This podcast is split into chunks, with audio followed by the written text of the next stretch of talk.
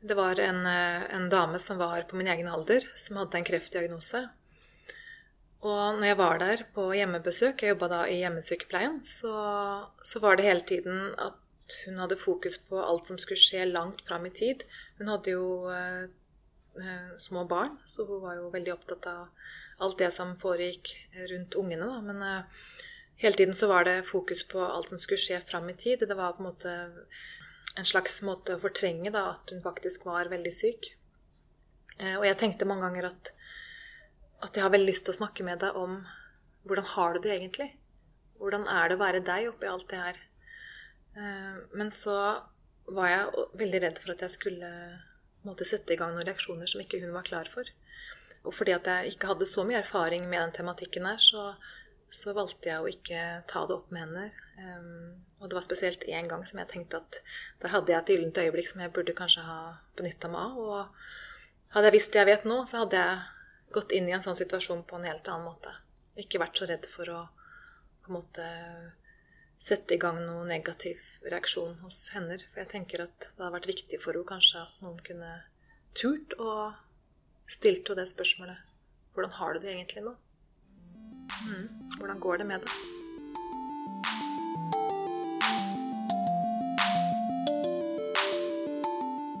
Denne utgaven av Sykepleiens podkast handler om de aller tyngste samtalene.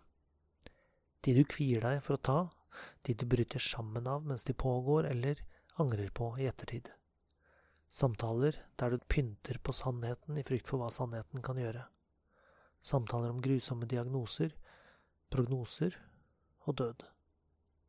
Stine Torp Løkkeberg, som du hørte innledningsvis, er utdannet sykepleier og jobber som førsteamanuensis i sosialpsykologi ved Høgskolen i Østfold. Nylig forsvarte hun sin doktorgrad ved Universitetet i Kent om de vanskeligste samtalene, om ulike tilnærminger, og hva budbringerens egne tanker og følelser har å si. Selv om selve beskjeden om alvorlige diagnoser og deprimerende prognoser gjerne overbringes av leger, minner Løkkeberg om at sykepleiere ofte spiller en svært sentral rolle i sånne situasjoner. Eh, det som eh, vi ofte vet, er at eh, sykepleierne noen ganger blir stående igjen med pasienten etter at legen har gått, hvor pasienten kanskje da har mange uavklarte spørsmål og ting de lurer på. Eh, har kanskje forskjellige emosjonelle reaksjoner som de trenger å få bearbeida. Du har sett på at det finnes ulike tilnærmingsmåter som folk bruker, som sykepleiere og leger bruker når de skal formidle tunge budskap og følge opp sånne samtaler? Jeg var jo veldig opptatt av å prøve å finne ut om det er noen sånne typiske måter man kan eh, se ut fra litteraturen, da. Hva som er vanlige måter å kommunisere eh, dårlige nyheter eller ubehagelig informasjon. Og det jeg fant, var jo at uh, det var spesielt tre typiske måter som, uh, som var vanlig. Og det, den ene måten var det å være veldig direkte uten å trekke inn det empatiske.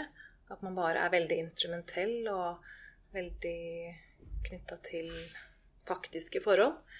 For, for fortelle det som, uh, som på en måte er viktig knytta til det faktiske, om diagnosen f.eks. Og så har man da den andre måten, som er mer en sånn beskyttende tilnærming, hvor man eh, er opptatt av å kanskje tone ned det som er eh, ubehagelig, og så heller ha mer fokus på det positive.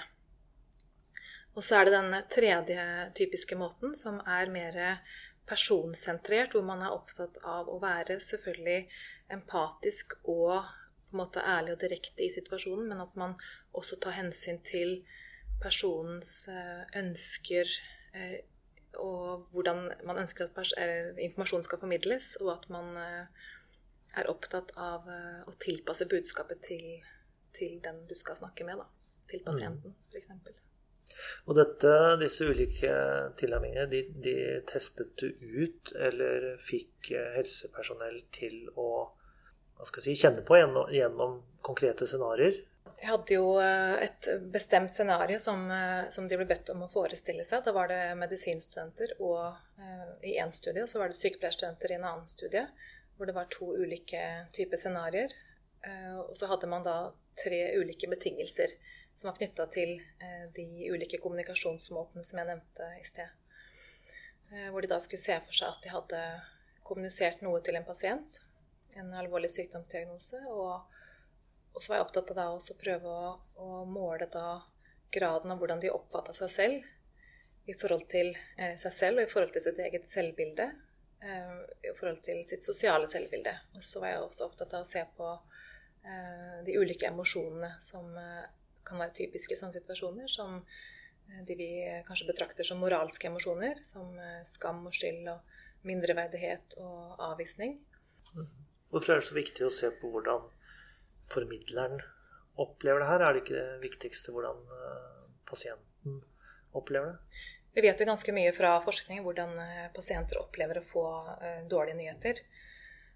Det fins eh, også en del forskning på overbringeren av dårlige nyheter, men det er mindre fokus på det. Og jeg var interessert i å på en måte prøve å forklare mer hva er det som faktisk psykologisk foregår. Det er emosjonelt og psykologisk foregår.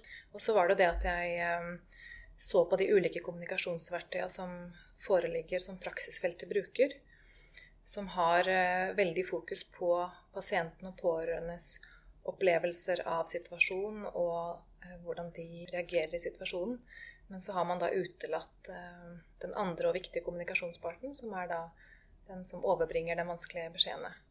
Så jeg ønsker da også å jobbe med å utvikle et kommunikasjonsverktøy som også tar hensyn til uh, budbringerens uh, opplevelser og mulige følelser og motivasjoner i situasjonen. Da. Men Er det av hensyn mm. til budbringerens følelser, eller uh, fordi det påvirker hvor godt de gjør jobben sin overfor ja, pasienten? Det påvirker uh, hvorvidt man blir uklar i kommunikasjon, eller man blir, hvor tydelig man blir i kommunikasjon. Du har snakket om at, at det er ulike tilnærmingsmåter. Hva, hva, hvis du skulle vurdere dem, hva, hva er en god tilnærming? Jeg kan jo snakke ut ifra forskninga mi, så var det jo helt, helt, klart at eh, den direkte, den instrumentelle, uempatiske måten var jo det som, som, på en måte skapte aller mest ubehag hos den som skulle kommunisere. Så det var eh, den som Det strider kanskje mot eh, det man skulle tro, da. Man skulle tro at den, den kjølige avstanden og at det var en beskyttelsesstrategi mot å involvere seg selv.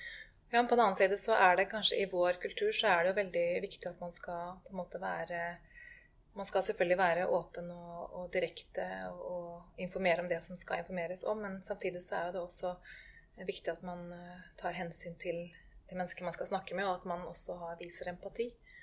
Så det var jo det som eh, antageligvis gjorde litt utslag der. At det var eh, det at det var veldig instrumentelt. da. At man bare formidla diagnosen og ikke noe mer. Eh, og det som eh, skapte absolutt minst eh, ubehag, var jo den, den personsentrerte måten. At man både var opptatt av å være, være ærlig og samtidig empatisk. Gylne middelvei. Mm. Selv om man tenker at man skal være opptatt av pasienten og, og, gjøre det på en best mulig måte i forhold til den, så, så svikter man jo på det her hele veien. Vi ser jo tilfeller hvor pasienter har fått formidla sykdomsdiagnoser i korridoren i forbifarta. Eh, og vi vet jo også at eh, pasienter i klartekst sier at de ønsker å vite alt, men likevel ikke får det.